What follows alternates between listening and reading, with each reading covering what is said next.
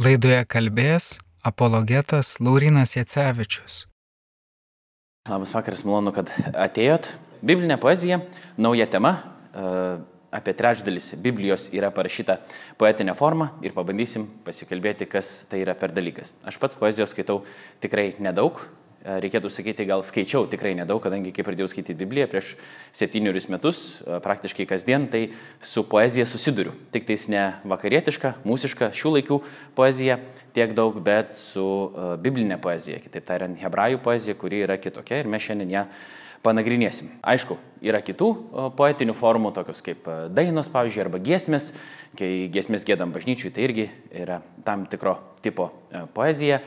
Ir e, pažiūrėsim, ko jinai panaši ir kuo skiriasi nuo biblinės. Bet dabar pirmiausia, e, kas yra ta pati Poezija.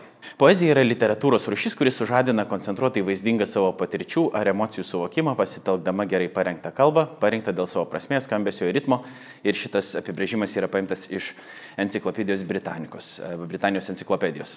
Kas čia norėtų pasakyti šituo įmantriu tekstu yra tai, kad poezija yra labai koncentruota kalba, kuri ne tik nori mums pasakyti skirtingais būdais kažkokią informaciją, nes jeigu, pavyzdžiui, būtų norima pasakyti, Dievas yra didis, tai nereikėtų rašyti visos psalmės apie tai, koks yra Dievas didis, kaip jisai, kaip griaustinis, e, ten laužo kedrus ar dar kažką, bet e, tiesiog galėtum pasakyti vieną sakinį, tam tikros informacijos, keli žodžius, Dievas yra didis, jis yra didesnis, e, pavyzdžiui, negu jums atrodytų ten griaustinis ar kažkokios kitos gamtos jėgos. Ne? Bet poezija siekia mus įtraukti ir patirti tuos dalykus, apie ką yra kalbama, ne tik tai savo turiniu, kas yra ten pasakyta. Mums yra svarbu ne tik pati tų žodžių prasme, bet ir skambesys. Kalbėsime apie tai, kaip forma ir turinys dažnai poezijoje sutampa. Poezija yra tam tikra žmogaus kalbos rušys, kuri pasako daugiau ir intensyviau negu kasdienė kalba.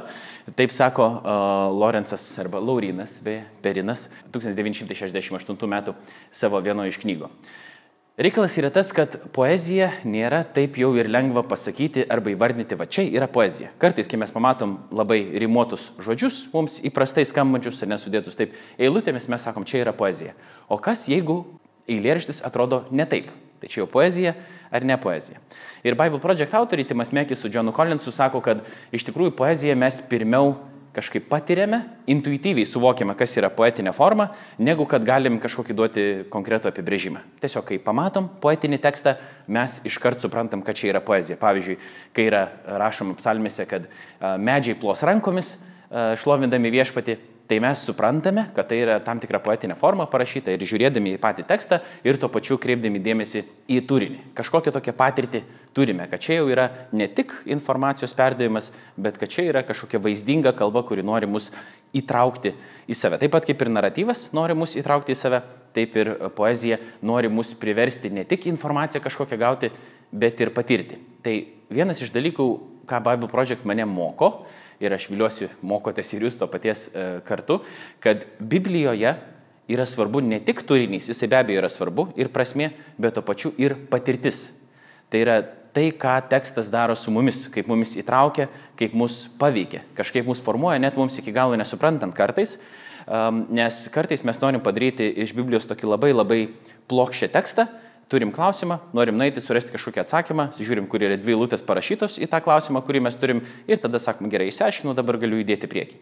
O iš tikrųjų, kodėl mes skaitom ją visą gyvenimą, bent jau krikščionis taip daro, um, ir aišku, kiti Biblijos tyrėjai, kurie nėra krikščionis, skaito, tai kaip žydų meditacinė literatūra, apie tai mes jau kalbėjom, kuri yra skirta skaityti visą gyvenimą, kuris suskamba naujai, vieną kartą skaitant, antrą kartą, trečią kartą skaitant, mūsų patirtis pasikeičia per gyvenimą, mes prie tų pačių tekstų grįžtam vis iš naujo, jie mus vėl kitaip kažkaip veikia, mes juos iš naujų kampų pamatom.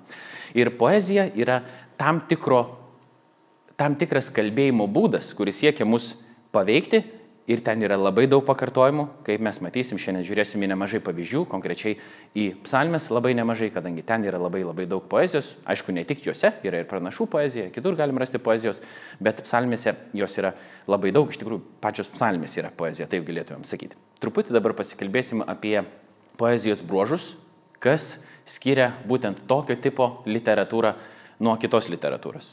Ruošytis šitam seminarui aš jaučiausi šiek tiek kaip lietuvių kalbos ir literatūros pamokoje, e, kurioje jau nebuvau daug metų, nežinau, kiek čia reikėtų skaičiuoti, 15 tikriausiai, bet e, aišku, nuo literatūros niekur toli neteko pabėgti, bet tie terminai patys, ne, kuriuos e, mums tikriausiai visiems mokykloje teko e, mokytis, buvo šiek tiek primiršti, tai buvo man pačiam įdomu juos atgaivinti iš naujo, kalbant apie poeziją ir netgi po truputį pradėjau užsimanyti kokios nors dar poezijos paskaityti, kaip minėjau, kadangi aš jos beveik neskaitau. Mokykloje kažkodėl man buvo įstrigęs toks lietuvių autorius, poetas Jonas Aistis, nors nei vieno eilėraščio neatsimenu, bet atsimenu, ar tai ir pavardė, kad kažko ta jo poezija mane patraukė.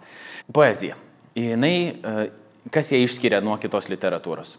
Poetinė kūryba yra labai tanki, jinai yra ryšli ir yra mažiau žodžių joje negu įprastoje kalboje, jeigu neimtumėm e, pakartojimų kalba yra vartojama tikslingai ir kūrybiškai, tai nėra šiaip kažkokie žodžiai sumesti, nebent, aišku, gali būti kokios nors modernios poezijos, kartais, kai klausau kai kurių dainų arba dainuojamosios poezijos, aš keliu savo klausimą, ar čia nėra tiesiog sudėti žodžiai, kurie gražiai skamba, iš tikrųjų tenais nėra jokios reikšmės ir jokio tikslo ir taip gali būti, nežaidžiama yra su klausytoju ir kai kurie autoriai yra tai, pris, tai prisipažinę, bet e, iš esmės bent jau biblinė poezija yra tikslinga, kūrybiška, bet jinai nėra bet kas, bet kaip. Ne? Tie žodžių deriniai yra unikalūs, kurių galbūt nesutiktume mes e, kasdien, vartojant savo kasdienę kalbą. Jeigu kažkas pradeda kalbėti labai poetiškai, mes iškart pagaunam ir mums yra šiek tiek keista, ne? retas žmogus, kuris taip kalba. Yra labai daug vaizdinių ir metaforų. Naudojami yra tokie žodžiai, kurie mums kasdieniai kalboje neteitų e, į galvą, kaip čia pavyzdžiui, bibliniai poezijoje yra pralaimėjimas mušyje, yra prilyginamas nuplovimu chaotiškoms bangoms arba siaučiančioms bangoms. Kažkas gal kur prie jūros gyvena, taip irgi masto, tie, kurie negyvena prie jūros, galbūt pasirinktų kažkokius kitokius žodžius ir ne visai taip galvotų. Galiausiai, kas jau buvo mano minėta, kad kalbant apie poeziją, turinys teksto, tai yra tai, kas norima pasakyti arba pagrindinė žinia, pati forma, jinai kartais sutampa. Tai reiškia, kad um, poezijoje forma yra svarbi tiek pat, kiek ir norima pasakyti žinę. Tai reiškia, e, tai kaip yra žodžiai vartojami, kaip jie yra sudėliojami, kaip yra eilutės perskiriamos, kiek yra žodžių eilutėje, koks yra rimas ar rimo nebuvimas, koks yra ritmas, visi tie dalykai yra svarbus, jie nėra atsitiktiniai. Tai yra bendri poezijos bruožai. Dabar apie senovės Izraelio poeziją šiek tiek daugiau pakalbėsim. Yra kelios um, senovės Izraelio poezijos rūšys, jeigu taip galima pavadinti, tai e, giesmė arba hebrajiškai šyra arba šyra. E, psalmė Mizmor ir rauda arba kina. E, tai pavyzdžiui, iš išėjimo knygos 15 skyriaus pirmos eilutės, tada Mozė ir izraeliečiai užtraukė šią giesmę, e, kaip yra pavartota šitame tekste. E, po to e, dauguma psalmių, e, psalmių pavadinimų turi tokį tekstą Davido Mizmor. Arba lietuviškai matytumėt, virš psalmių yra parašyta dažnai Davido psalmė ir tada jau eina tam tikras tekstas, taip psalmė yra tam tikra poezijos forma. Ir galiausiai rauda. Ir iš, čia yra ištraukai iš antro, antros Samuelio knygos, pirmos skyrius 17 eilutės. Davidas išraudojo savo kiną arba raudą dėl Sauliaus ir Jonatano ir ta rauda irgi gali pasirodyti poetinė forma. Dabar kokios yra mm, savybės senovinės Izraelio uh, poezijos? Ta poezija yra dažnai dėliojama eilutėmis ir jeigu vėl atsiverčia psalmės, matot, kad tekstas nėra surašytas taip nuosekliai per visą lapą. Šiaip Biblijoje dažniausiai yra uh, du vadinami Lietuviškai mes e, gal kitokį žodį reikėtų vartoti, bet yra tai stulpeliai tokie ar ne. Ir dažniausiai knygos netaip yra, e, netaip yra rašomas, bet tokia yra pasirinkta e, biblinė forma. Bet kai žiūrime į psalmes, tai yra dar kitaip. Dažnai yra iš vis kokie trys žodžiai, po to dar kokie tik keturi žodžiai, trys žodžiai ir panašiai. Ne, tai yra eilutė. Dabar kas yra ta eilutė, ką mes bent jau lietuviškai vadinam eilutė, angliškai tai yra žodis vers. Ir nebūtinai tinkamai lietuviškai verčiama eilutė, bet geresnio žodžio kaip ir nerandu. Eilutė yra tam tikra poezijos forma, pats tas dalykas, ne, kaip eilutė gali būti pavadinamas poezijos forma ir jinai yra pagal natūrales ar dirbtinai sukurtas taisyklės išdėstytų žodžių seka, tai gali būti taip pat ir eilėrašio dalis eilutė. Nors mes lietuviškai eilutė vadinam ir labai daug kitų dalykų, bet čia, šitam, čia eilutė tampa terminu iš principo. Hebrajų poezijoje eilutė dažniausiai yra pirmas dalykas - vientisas sakinys arba šalia einantis jo šalutinis sakinys, pavyzdžiui, po kabletaškio gali būti kažkoks, sudarytas iš trijų arba penkių žodžių ir pasižymintis pakartojimu ir aiškos, aiškiais pabaigos ženklais. Kaip žinot, Biblija, kai buvo parašyta, pirmiausia, aišku, buvo rašoma ant rytinių ir ten nebuvo nei jokių skyrių pavadinimų, nei jokių eilučių 1, 2, 3 ar ten skyrius, ten 16 skyrius ir tokios ir tokios eilutės.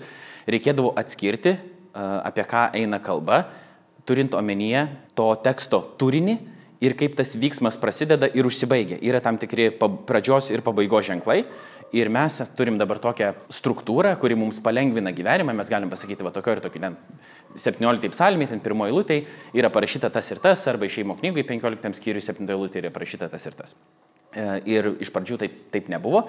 Ir, e, kaip sakyti, atminimas vykdavo nuro, nurodant į pagrindinę mintį išsakytą kažkokioje vietoje, o ne į uh, kažkokį skaičių uh, konkretų skaičių. Bibliniai poezijoje nebūtinai rasit tą konkretų metrą pagal skiemenų skaičių sudėliotą, kaip mums yra įprasta, pavyzdžiui, lietuvių kalboje, bet tai yra laisvos eilės, bet kaip aš minėjau, laisvos eilės nereiškia, kad tai yra bet kas ir bet kaip. Uh, jos vis tiek turi savo struktūrą ir savo mintį ir mes dabar pažiūrėsim, kokia tas, ta struktūra ir koks tikslas yra kokioj vietoj. Kalbant apie biblinę poeziją. Um, Kitas bruožas, kuo pasižymi biblinė poezija, yra glaustumas, jau tai buvo minėta. Čia pacituosiu Adelė Berlin, kuri savo įvadę į biblinę poeziją sako taip. Biblinės poezijos tirštumas sudaro įspūdį, kad kiekvienas žodis ar frazė yra pripildyti daugiau prasmės, nes uh, mažiau žodžių turi nešti pranešimo naštą. Kitaip tariant, uh, teksto gali būti labai nedaug ir mums reikia labai gerai jį apmastyti, perskaityti daug kartų, nes ten yra didesnis krūvis mažesnėme kiekyje žodžių, nes jeigu mes bandom kažką paaiškinti, ne, išdėstyti kažką, skaitim, pavyzdžiui, teisinį dokumentą, ne, yra labai daug žodžių, kad būtų nepalikta jokios vietos klaidai ar neteisingai interpretacijai. Dėl to reikia iš įvairių kampų labai tiksliai, techniškai, net kartais darant nemažai stiliaus klaidų, ką reiškia daug pakartoti tų pačių žodžių, kurie šiaip normaliam tekste neturėtų būti kartojami, tam, kad mes galėtum suprasti tiksliai, tiksliai, kas yra parašyta ir kiek įmanoma eliminuoti klaidos tikimybę. Poezija netaip veikia, ten yra labai tirštas tekstas, ką reiškia nėra daug to teksto, bet jisai tie mažai žodžių, jie turi pertikti labai daug prasmės. Kitas bruožas yra uh, paralelės. Ir paralelė yra, kai du dalykai yra sudėti vieną šalia kito, parodant jų santyki. Pavyzdžiui, patarlės yra parašyta e, tokia, tokia forma. Pavyzdžiui, patarlė 16, 16 patarlė, 32 lūtė, abie lūtės yra teigiami geriau nei posakiai. Ir taip pat paaiškinsiu, kas tai yra. Tiksliau perskaitysime šitą vietą. Geriau būti kantriu žmogumi negu galiūnų, suvaldyti save geriau nu, negu užkariauti miestą. Mes matom, čia yra paralelė, kad uh, geriau yra būti kantriu žmogumi negu galiūnų, ir suvaldyti save, kas yra tam tikra tokia kantrybės forma, yra geriau negu užvaldyti miestą, kas jau reikalautų kažkokios galios. Ne? Tai yra ir vienas yra e, geriau nei posakis, ir kitas yra geriau nei posakis, kurie vienas e, kitam yra lygiai gretus. Eilutės turi tokią pačią formą, tačiau jų uh, reikšmė yra prieš priešinama, pavyzdžiui, arba sugretinama. E, čia yra iš 13 patarlis, e, trečios eilutės, kas saugo savo liežuvį, tas apsaugo savo gyvastį, o plepus žmogus prieina liepto galą. Tai reiškia, kad tas, kuris saugo savo liežuvį, saugo savo gyvastį, o tas, kuris plepa, tai tas savo gyvastį praranda.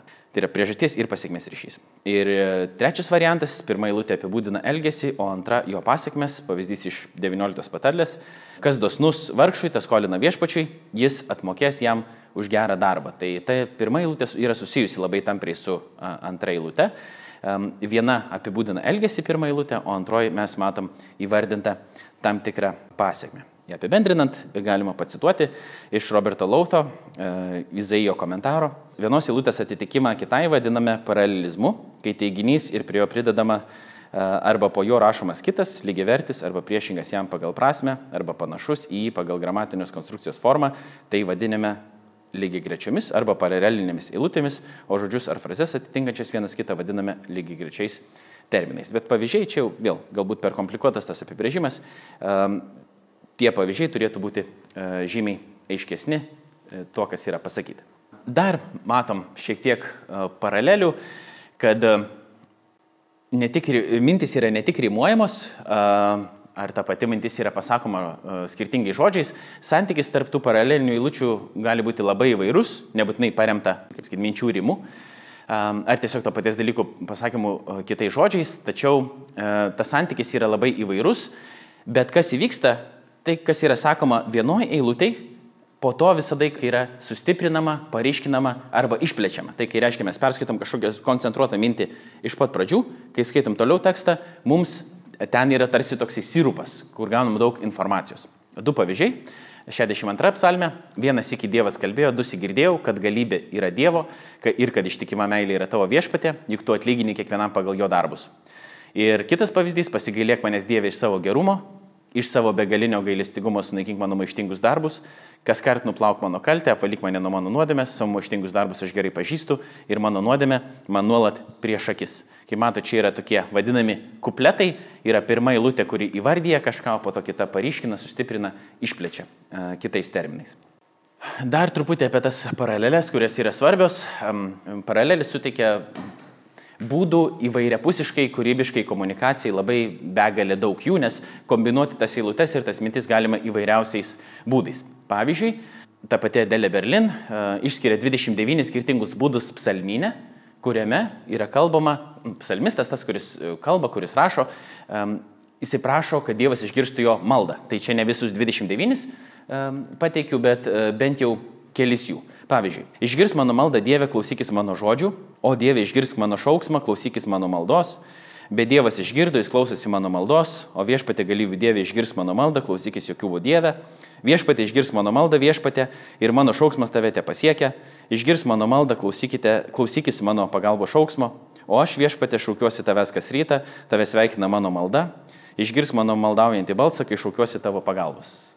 Tai 29 skirtingais būdais psalminė yra Dievo prašoma išgirsti maldą. Ne? Tai čia yra svarbu ne tik turinys, nes galima pasakyti, pasiklausykis manęs viešpatė arba išgirs mano maldą viešpatė. Bet e, kadangi šita patirtis įgauna skirtingas formas, tai yra naudojami ir skirtingi tekstai tai patirčiai e, perteikti. Kitas bruožas poezijos yra sugretinimas, mm, tai yra meninė priemonė pavirsta poetiniu principu ir e, jis yra laikomas bent jau puikiu būdu išreikšti sudėtingoms mintims poroje netikėtų žodžius ar įvaizdžius. Tai leidžia pažvelgti į idėją iš skirtingų kampų.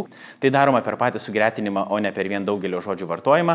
Ir tas sugretinimas yra dažnai taikomas filmuose, kai pavyzdžiui mes matom vieną kadrą ir vieną sceną iš vieno kampo, o po to staigiai mums yra parodoma kamera iš visiškai, visiškai kitos pusės ir mes matom tą situaciją visiškai kitaip, netgi kūriamas yra uh, nauja patirtis, uh, naujas turinys priklausomai nuo mūsų požiūrio kampo, iš, iš ten, iš kur mes matom visą. Tai, tai ne šiaip, kad va, truputį matom dabar iš vienos pusės, o dabar pamatom iš kitos pusės tą patį dalyką, bet kad um, ten netgi tas skirtingas kadras sukuria naują patirtį ir netgi tam tikrą prasme naują turinį, ko galbūt mes nematėm žiūrėdami iš vieno kampo.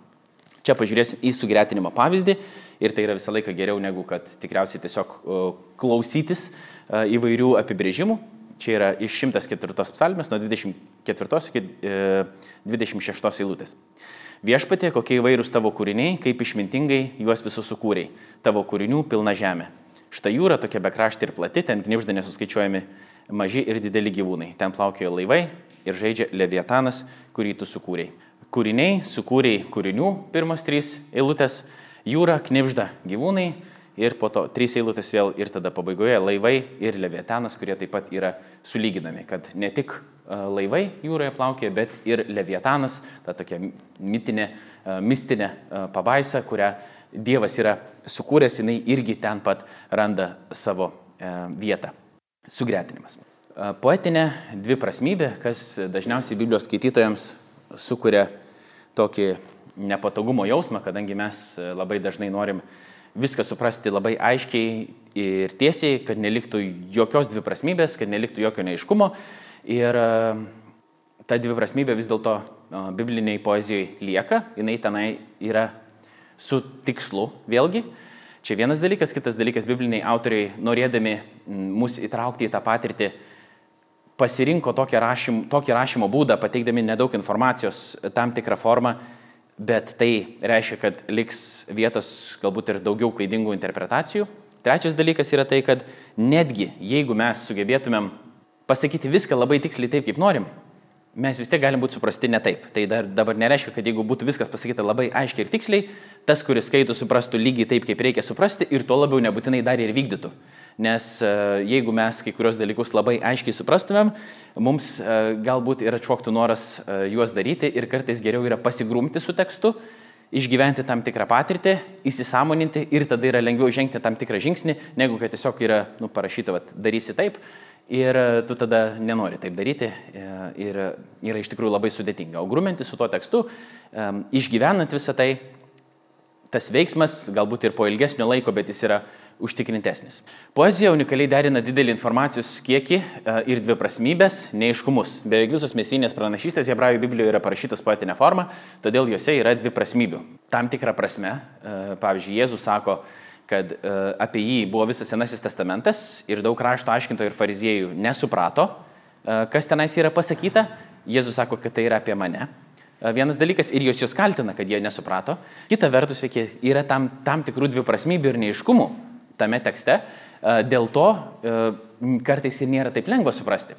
Bet Jėzus sako, kas turi ausis te klauso, mes galim tada pagal implikacijas suprasti, kad kas turi akis, tas tada ir mato tos dalykus, kuriuos reikia pastebėti, bet, pavyzdžiui, Jėzus palyginimai, apie kuriuos mes irgi vėliau kalbėsim, jie taip pat atrodo kartais tokie neaiškus ir kai Jėzus paklausė, kodėl tu kalbi tais palyginimais, jis sako, kad um, va, taip yra skelbiamos Dievo karalystės paslaptis. Ir tie, kurie turi tas ausis klausyti, jie tas palyginimus supras. Ir supras tą, ką reikia suprasti, o tam, kuriam būtų pasakyti ir tiesiogiai reikėtų taip suprasti, nu, jisai vis tiek nepriims tos informacijos. Tai um, dėl to jisai naudoja tokią palyginimų formą. Uh, pažiūrim į vieną iš tų mesinių pranašyščių iš pradžios knygos, Trečios skyriaus, viešpats Dievas tarė žalčiui, kadangi tu tai padarėjai, prakeiktas tarp visų gyvulių ir tarp visų žvėrių. Ant pilvo šliaužiusi ir dulkėsėsi visas savo gyvenimo dienas, aš sukelsiu priešiškumą tarp tavęs ir moters, tarp tavo ainijos ir jos ainijos, ji trupins tau galvą, o tu kirsi jai į kulną. Kas ta moteris, kas ta gyvatė, kaip jinai tiksliai veikia, mes tai siejam su Jėzumi, ne, ar ta moteris Marija, bažnyčia, šetonas yra tas, ar šetonas yra ta gyvatė, ar čia yra kalbama apie tai, kad kai yra trupinama e, galva, tai e, ir kertama tada į kulną, ar čia yra kažkaip susijęs su Jėzus mirtimi ant kryžiaus, ne, bent jau tuo laiku gyvenant e, ir skaitant šitą tekstą, tikriausiai net į galvą neteitų, ne, bet kai žiūri istorijoje įsipildančių pranašyšių šviesoje retrospektyviai, tai reiškia žiūrint atgal, gali suvesti tam tikrus dalykus, ne? Ir nes apreiškimas yra progresyvus pagal krikščionišką supratimą, tai reiškia, kad nėra, Dievas ne, nenumeta visko iškart, bet jisai po truputį atskleidžia tam tikrus dalykus um, savo laiku. Pavyzdžiui, yra parašyta, kad Jėzus atėjo laikų pilnatvėje. Irgi, tai, bet čia šitam tekste yra akivaizdu, kad e, susidinsi penkis žmonės ir jie nebūtinai prieis iki galo prie tokios pačios išvados, kadangi čia yra uh, tam tikros formos poezija ir iki galo nėra aišku, apie ką čia eina kalbama, ypatingai jeigu mes žiūrėtumėm tuo metu, kai šitas tekstas buvo parašytas. Dabar mes jau siejame tuos dalykus, nes su Jėzus mirtimi, su uh, visų šitų pranašyšių įsipildymu mūsų kontekste. Bet pagrindinė mintis yra tokia. Kai yra skaitoma poezija, ten yra pagrindinė mintis, autorius nori kažką pasakyti, bet forma pati poetinė, jinai sukuria tokią situaciją, kad nėra labai lengva viską ten išgliaudyti ir išgvildenti. Ne? Tiesiog taip yra. Bet poetinė forma turi savo privalumų, kurie atsiskleidžia būtent tik per tokią meninę išraišką ir meninę formą. Galiu pacituoti dar vieną uh, autorių, Robertą Alterį, kuris rašo taip. Jei galėtume išgirsti Dievą kalbant, išreiškinti savo valią hebrajų kalbos žodžiais, kaip tai skambėtų. Normalus klausimas. Jeigu Dievas kalba ir jis pasirenka konkrečią kalbą, hebrajų kalbą istorijoje, nu kaip Dievas mums turi prakalbėti? Ką tai reiškia? Ir visi mes turim skirtingų supratimų. Vat kaip Dievas turėtų kalbėti? Nes dažnai ir tie, kurie prieštarauja krikščioniškam tikėjimui, žmonės sako, va, jeigu Dievas čia būtų kalbėjęs, tai jis taip nekalbėtų. Jis pasirinktų kažkokią kitą formą. Nemažai žmonės turi pamastymų, kaip Dievas turėtų arba kaip jis neturėtų daryti. Ne? Poezija yra geriausias žmogiškas įsimantraus ir turtingo bendravimo modelis. Ji ne tik iškilminga, svari ir ryštinga, bet ir tankiai išausta sudėtingais vidiniais ryšiais, prasmėmis ir implikacijomis arba pasiekmėmis. Visiškai suprantama, kodėl dieviškoji kalba hebrajų Biblijoje dažniausiai vaizduojama kaip poezija. Šios dieviškosios poezijos forma padeda paaiškinti, kodėl šie tekstai palėtė milijonus skaitytojų gyvenimus, laikė, erdvėje ir situacijoje nutolusius nuo nedidelių senovės hebrajų grupių, kurios kūrė ir pirmosios skaitė šiuos tekstus. Apibendrinant, Roberto Alterio požiūriu, poezija yra labai gera forma, bandant perteikti Dievo žodžius kažkokią konkrečią žmogišką kalbą, kadangi kokia yra Dievo kalba, kaip mes dabar ją įsivaizduojam. Ne? Ir jeigu Dievas kalba, tai kaip jisai tiksliai kalba? Ar taip pat kaip žmogus jisai kalba, ar jisai kalba kažkaip kitaip? Kaip jisai kalba, kad žmogus suprastų? Tai poetinė forma yra viena iš tokių, kuri mums leidžia perteikti kažką tokio dieviško, dievišką kalbą. Jis yra labai tiršta, vaizduotė skatinanti ir to įrodymas yra tai, kad ją parašė kažkokia nedidelė žmonių grupė prieš kelis tūkstančius metų ir ta poezija, tie tekstai vis dar veikia mus, veikia viso pasaulio žmonės, mes ją vis dar skaitom iki šių dienų. Ir jinai mums yra paveiki. Reiškia, joje kažkas yra. Dabar perbėsim tokius didesnio masto poetinius principus bibliniai poezijai. Biblinės poezijos principai, kaip kartojimas, ritmas, paralelizmas ir sugretinimas, e, naudojami kartu, kad būtų sukurtas išbaigtas eilėraštis. Tai tie visi minėti mažesni principai, mes juos galėtum sakyti, jie yra galimi rasti, pavyzdžiui, viename eilėraštyje, yra taikomi ir galiausiai mes turim bendrą išbaigtą kūrinį. O dabar ši stambi struktūra yra vadinama chiazmų arba simetrija. Chiazmas arba simetrija yra literatūrinė priemonė, kuris, kuria eilėrašio eilutės atspindi vieną kitą veidrodinę arba atvirkštinę tvarką. Ir mes pažiūrėsim dabar į pavyzdžius tam, kad būtų aiškiau apie ką eina kalba. Dar kartą, chiasmas arba simetrija yra literatūrinė priemonė, kuria eilėrašio eilutės atspindi vieną kitą. Dvi formas e, Bible Project autoriai pateikė, e, viena AB, AB ir to pavyzdys yra 33 psalmė. A eilutė viešpats vėjas paleidžia tautų užmojus, B niekas, niekais paverčia jų sumanimus. Viešpatės užmojus amžinas, jo širdies sumanimai tęsiasi per visas kartas. Lietuvių vertėjai parinko tos pačius žodžius užmojis, užmojis, sumanimas, sumanimas. Ne? Čia yra atspindys, bet yra AB, AB. Tai yra šita A eilutė turi užmojį, šita A eilutė turi užmojį, šita turi sumanimą, šita turi sumanimą. Tai čia yra atspindėjimas. Dabar kitokio tipo atspindėjimas yra ne grupė ABA, o ABBA iš 137 psalmės Jeruzalė, jeigu tave užmirščiau, ten nuvysta mano dešinė, te prilimpa man ležuvis prie gomurio, jeigu apie tave negalvočiau yra atspindėjimas užmirščiau, užmirščiau ir tada kas atsitinka, ten nuvysta mano dešinė, tai prilimpa liežuvis man prie gomurio. Kažkas negero atsitinka. Ne? Tai mes turim atspindėjimą pirmoji ir ketvirtoji eilutė ir antroji ir trečioji eilutė. Tai biblinė poezija yra taip prašoma ir kai jūs dabar skaitysit psalmes arba kitas vietas, kurios yra parašytos poetinė forma, bandykit atkreipti uh, dėmesį ne tik į turinį, žodžius, kas ten yra parašyta, bet ir į pačią formą. Čia tikriausiai yra vienas iš pagrindinių dalykų, apie kuriuos mes šiandien uh, kalbam. Kitas principas yra vadinamas akrostichų, čia apibrėžimas iš visuotinės lietuvių enciklopedijos. Tai yra eilėraščio eilučių vienodose pozicijose, dažniausiai pirmosiomis raidėmis įrašytas koks nors vardas, žodis ar posakis. Dabar iš Bible Project apibrėžimas, tai yra eilėraštis paremtas alfabetu, kur kiekviena eilutė prasideda konkrečia hebrajų abecelės raide. Pirma eilutė, pavyzdžiui, A raidė prasideda, antra eilutė B, tada, pavyzdžiui, trečia eilutė C raidė prasideda ir taip toliau. Kas yra įdomu, 119 psalmė, kuri yra ilgiausia, jeigu aš dabar neklystu, visame psalmynė, jinai yra labai ilga. Pirmos aštuonios eilutės čia yra angliškai parašyta, čia yra hebrajiškai. Kaip žinot, hebrajų reikia skaityti raštą iš kairės, iš dešinės į kairę, ne iš kairės į dešinę. Kadangi aš nepasitikėjau to, kas buvo parašyta, kadangi lietuvių kalboje nėra sudėta viskas sakim, pagal hebrajų e, alfabetą, ar ne, tai 119 psalmė ne kiekviena eilutė prasideda tą pačią raidę. Lietuvių autoriai to netitaikė ir net nebandė taikyti. Net tenais yra turinys daugiau, galbūt skambesys, bet uh, akrostiko ten mes nematom lietuviškai. Dabar hebra, taip pat ir angliškai to nėra, nes irgi yra skirtingai žodžiais prasideda kiekviena eilutė, bet kas yra įdomu, kad pirmos 819 psalmės eilutės visos prasideda tą pačią raidę. Jūs tikriausiai neįmatot, bet čia yra Alef, pirmoji hebrajų abecelės raidė ir visos pirmos 8 eilutės prasideda tą pačią raidę. Po to kitos 8 eilutės uh, nuo 9 iki 16 prasideda B raidė, nu bet uh, hebrajų kalba. Ne? Tai 8 eilutės pirma hebrajų abecėlės raidė, kitos aštuonios eilutės antra hebrajų abecėlės raidė. Nu, ir mes skaitydami lietuviškai tiesiog neturim to džiaugsmo šito dalyko pamatyti, bet apie ką eina kalba, tai kad toje psalmėje, ir ne tik toje yra daugiau psalmių, kur tą mes galim pastebėti, aš galiu pavardinti, bet tikriausiai tai nebus taip aktualu. Pavyzdžiui, 7, 9, 10 psalmės, 25, 34, 37, 31 patarlė, Raudų knygos 1-4 skyriai irgi yra parašyti akrostiko forma, kur lietuviškai skaitydami mes tikriausiai nepamatysim, bet hebrajiškai ten yra svarbu, kokia raidė, kas prasideda, tai yra tam tikra poetinė forma, kurią autorius pasirinko. Refrenas arba priegesmis mm, pasižymi pasikartojančiamis eilutėmis, kurios atlieka skirties funkciją, panašiai kaip šiuolaikinių krikščioniškų muzikų, muzikinių kūrinių priedainiai. Kai girdim priedainį, žinom, kad jisai nuolat pasikartoja, pasikartoja tas pats tekstas, tas tekstas, tekstas.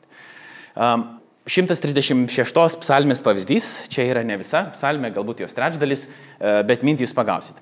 Dėkokite viešpačiui, nes jis geras, nes jo ištikimoji meilė amžina. Dėkokite Dievų Dievui, nes jo ištikimoji meilė amžina. Dėkokite viešpačiui viešpačiui, nes jo ištikimoji meilė amžina. Jis daro nuostabiai didingus darbus, nes jo ištikimoji meilė amžina. Jis savo išmintimą sukūrė dangus, nes jo ištikimoji meilė amžina. Jis patėsi žemę ant vandenų, nes jo ištikimoji meilė amžina ir taip toliau. Atrodo, kam čia reikia tiek kartuoti, mes jau supratom, kad ištikimoji meilė yra amžina. Autorius mano tikriausiai, kad nelabai supratot, jums reikia tai patirti iš tikrųjų, kad viešpatės um, meilė yra amžina, jinai yra, e, kaip sakyti, jinai yra ištikima, jinai yra ištikima amžinai ir visa, visa šita psalmė yra su šituo refrenu arba priegesmiu arba pakartojimu. Ir yra daugiau vietų, bet e, jas dabar neįsim, vis tiek neatsiminsit.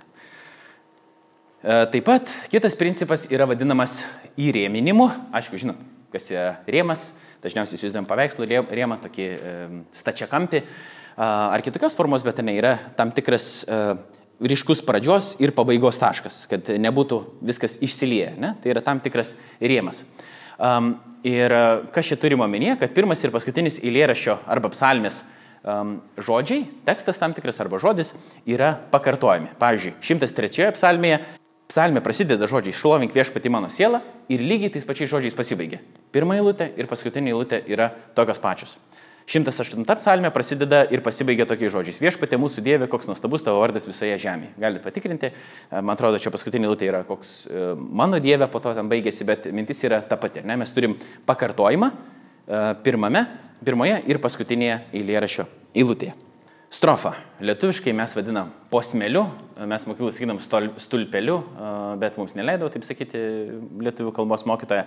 Bet čia pateikiau iš visuotinės lietuvių enciklopedijos Juozapo Girdzijausko straipsnio apibūdinimą, kas yra strofa mm, ir mes bandysime ją pritaikyti bibliniai poezijai. Strofa Tai yra posmas, eiliuotas kalbos metroniminių vienetų eilučių derinys, kuriame išriškėjo ritmo principas ir visa kalbos meistriškumo hierarchija. Jis pasižymė intonaciniu ir vieningumu ir baigtumu, yra būdingas sintaksinis ir semantinis baigtumas. Eilučių išdėstymas strofoje dažniausiai išryškinamas grafiškai, bet naujųjų laikų poezijai būdingos strofos gramatinė transformacija. Tai reiškia metrinės strofos pakeitimas grafinė strofa. Pagal strofą sudarančių eilučių skaičių skiriama distichas, tercetas, katrenas, kvintilė arba penkiailis estetas, septetas, oktostichas, decima ir kiti. Strofos būna nerimuotos santykinėje poezijoje, liaudės dainose įrimuotos naujų laikų poezijoje. Eiliuotą kūrinį dažniausiai sudaro kelios arba daug strofų, bet ir eilėrašių, kurios, suda, kurios sudaro viena kanoniško sandaro strofa, pavyzdžiui, trioletas. Kai aš sakau posmelis, dažniausiai jau žinot, kas tai yra. Tiesiog yra toks dalykiukas, ar ne mes matom, kai, kalba apie tai grafiškai skirta. Tiesiog mes matom tekstą, kuris yra sudėtas į tam tikros nestačia kampio formą, kurią mes galim atskirti ir pamatyti, kad čia yra ta strofa arba posmelis, jinai pasižymė tam tikrom savybėm, joje egzistuoja tam tikra užbaigta mintis. Ne? Ta, tas posmelis turi tam tikrą e, logiką, e, joje mintis užsibaigia, kartais ant popieriaus lapo arba elektroniniai priemonė, jeigu mes skaitom, mes matom, kad tas posmelis yra kažkaip grafiškai iš, išskirtas, ne tik turinio ar e, kažkokio skambesio prasme, bet to pačiu ir grafiškai, kai mes galėtume atskirti, va čia yra šitas ir šitas posmelis arba strofa. Egzistuoja tokios e, poetinės priemonės biblinėje poezijoje. Pavyzdžiui, Mm. Reikia turėti omeny, kad Biblijos autoriai savo poezijoje naudoja unikalias poetinės priemonės, kurios leido jiems sukelti klausytojų reakciją ir sukurti biblinio teksto sąsajas. Pavyzdžiui, kalbos arba tono pakeitimas, jis dažnai, tas kalbėto balsas, pasikeičia be aiškaus įspėjimo.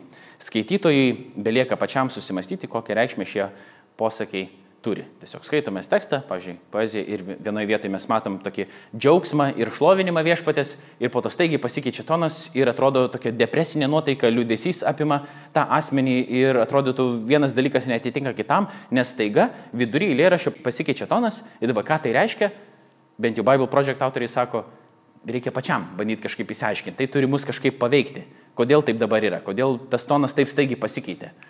Bet tai yra vėl nebe priežasties. Tai reiškia ne, ne kažkoks čia asmenybės susidvejinimas, ne kažkas čia atsitiko dabar, nežinau, išpylė ten arbatą berašydamas uh, tą psalmę, koks nors psalmistas, ne, bet uh, tai yra su tam tikru tikslu, siekiant paveikti skaitytoją.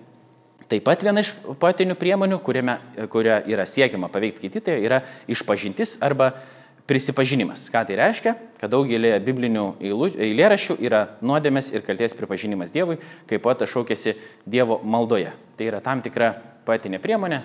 Dovydas savo psalmėse labai dažnai išpažįsta savo nuodėmės ir sako, viešpatį prieš tave nusidėjau, pavyzdžiui. Tokia yra vieta, daug, daug tokių yra vietų bibliniai poezijai, kur autorius sako tokia tarsi ir intimiai išpažinti Dievui, bet to pačiu mes skaitydami ją matom kaip viešą išpažinti arba prisipažinimą, kad jis padarė kažką ne taip. Kita poetinė priemonė yra vadinama himnu, tai yra poetinė gesmė, kurioje šlovinamas Dievas už jo charakterį arba už jo gerumą savo žmonėms. Dar taip pat yra prakeikimas arba priekaištas. Tai poetinė malda, kurioje poetas prašo Dievo nubausti nedorelį. Ir mes tai dažnai skaitom irgi psalmėse ir mums atrodo, ką čia dabar su tuo reikia daryti, kai tas poetas kurio ta psalmė yra, jis sako, kad e, sunaikink mano priešus, sutriuškink mano priešus, tai ką čia Dievas dabar nori triuškinti ir ką čia dabar reikėtų daryti. Bet iš principo tai yra tam tikra poetinė forma, kurioje išsako poetas savo jausmus, um, prašydamas viešpaties teisingumo įgyvendinimo. Ne? Bet dažniausiai taip nesibaigia tas, um, ta, ta poema ar ta psalmė, ten yra ir daugiau visko, uh, įskaitant ir po to gali būti prašymų, maldų, maldavimų, uh, išpažinčių ir ko tik tais uh, nori. Tai kita ta poetinė priemonė yra prašymas arba e, maldavimas, prašymas Dievui, kuriuo prašoma padėti išspręsti konkretų e, žmogaus poreikį. Yra, pavyzdžiui, sakoma, psalmėse, žiūrėk, kiek aplink mane daug yra mano priešų, išgelbėk mane po to, arba e, atstatyk mano gyvastį ir taip toliau. Psalmėse yra labai daug prašymų, bet ne tik juose, tai yra viena iš poetinių priemonių. Ir galiausiai malda, Biblijoje malda tai yra tiesioginė Žmogaus uh, cituojama kalba skirta Dievui, maldos apima išpažinimą, prašymą, šlovinimą ir padėką. Tai malda yra toks platesnis terminas, apimantis kai kurios iš tų dalykų, kuriuos mes uh, apkalbėjom kiek anksčiau. Visose kultūrose susiformavo tam, tikrų, tam tikro tipo dainų ir eilėraščių, um, jie yra skirtingų žanrų. Pavyzdžiui, amerikiečių popmuzoje naudojama schema AABA. Um, O hebrajų autoriai savo eilėraščiuose naudojo raudo, šlovinimo ir padėko žanrus. Dabar mes užbaigsim to pažiūrėdami, koks, kokie egzistuoja poetiniai stiliai psalminė, kurie yra skirtingi nuo šių dienų gesmių, nuo šių dienų uh, eilėraščių, galbūt nuo šių dienų pop muzikos. Uh, tai yra trys tokie uh, esminiai dalykai, kuriuos įskiria Bible Project kuriejai. Pirmiausia yra rauda, kuri yra psalmė, kurios autorius skundžiasi Dievu dėl dabartinių sunkumų ir ragina Dievą išgelbėti. Ir joje yra dažnai tokie elementai raudoje. Įvadinis šauksmas viešpačiui, po to prašymas arba maldavimas pagalbos. Toliau yra pasitikėjimo Dievų pareiškimas, kad iš tikrųjų tai, ko aš prašau, Dievas turi galę įvykdyti ir jisai įvykdys, tam tikras užtikrintumas ir galiausiai priesaika, kad e, tas, kuris šaukėsi ir prašo Dievo e, tą raudą, kaip sakyt, atlieka, išlieja, jisai laikysis savo e, sandaros įsipareigojimų, galėtumėm taip pasakyti. Po to yra šlovinimas, taip salmė, kurioje Dievas pagerbiamas už jo charakterį ir arba savybės. E, šlovinimas dažnai turi tokius elementus. Kvietimą šlovinti, šlovinkite visos tautos viešpatį, šlovinkite visą kūrinį viešpatį, tai reiškia, kad ne tik tas pats asmuo, bet ir visi kiti yra kviečiami šlovinti viešpatį. Toliau yra pateikiamas neretai sąrašas tų, kurie turėtų šlovinti viešpatį, visos salos šlovinkite viešpatį, visos tautos šlovinkite viešpatį. Tai ne tik kad bendras toks kvietimas, bet ir išvardymas sąrašas, kad uh, iš vat, šitų burnų, taip galėtume pasakyti, priklauso šlovė Dievui. Ir galiausiai yra baigiama raginimu vėl šlovinkite viešpati, jeigu didžiosiam raidėm, tai reiškia tikrinis Dievo vardas Jahve, Biblijoje parašyta. Ir galiausiai padėka tai yra psalmės, kuriuose Dievas pagerbiamas už jo maloningą elgesį su žmonėmis. Padėkos psalmė gali atrodyti daug maž taip. Yra kvietimas dėkoti, Tada nerimastingos būsenos prieš išgelbėjimą apibūdinimas, sakoma, prieš viešpačiu ateinant kažką padarant, aš buvau ten toks, toks ir toks, mane persikėjo mano priešai, aš buvau paliegęs, alkanas ir taip toliau.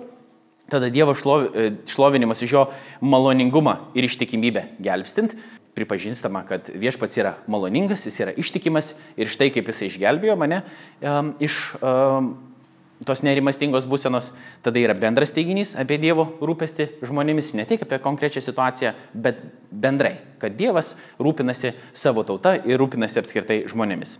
Tada vėl vykd, pažadas įvykdyti savo įsipareigojimus, ne šiaip, kad ačiū to viešpatė, bet tuo pačiu, kad aš darysiu tai, kas man priklauso ir galutinis šlovinimo teiginys.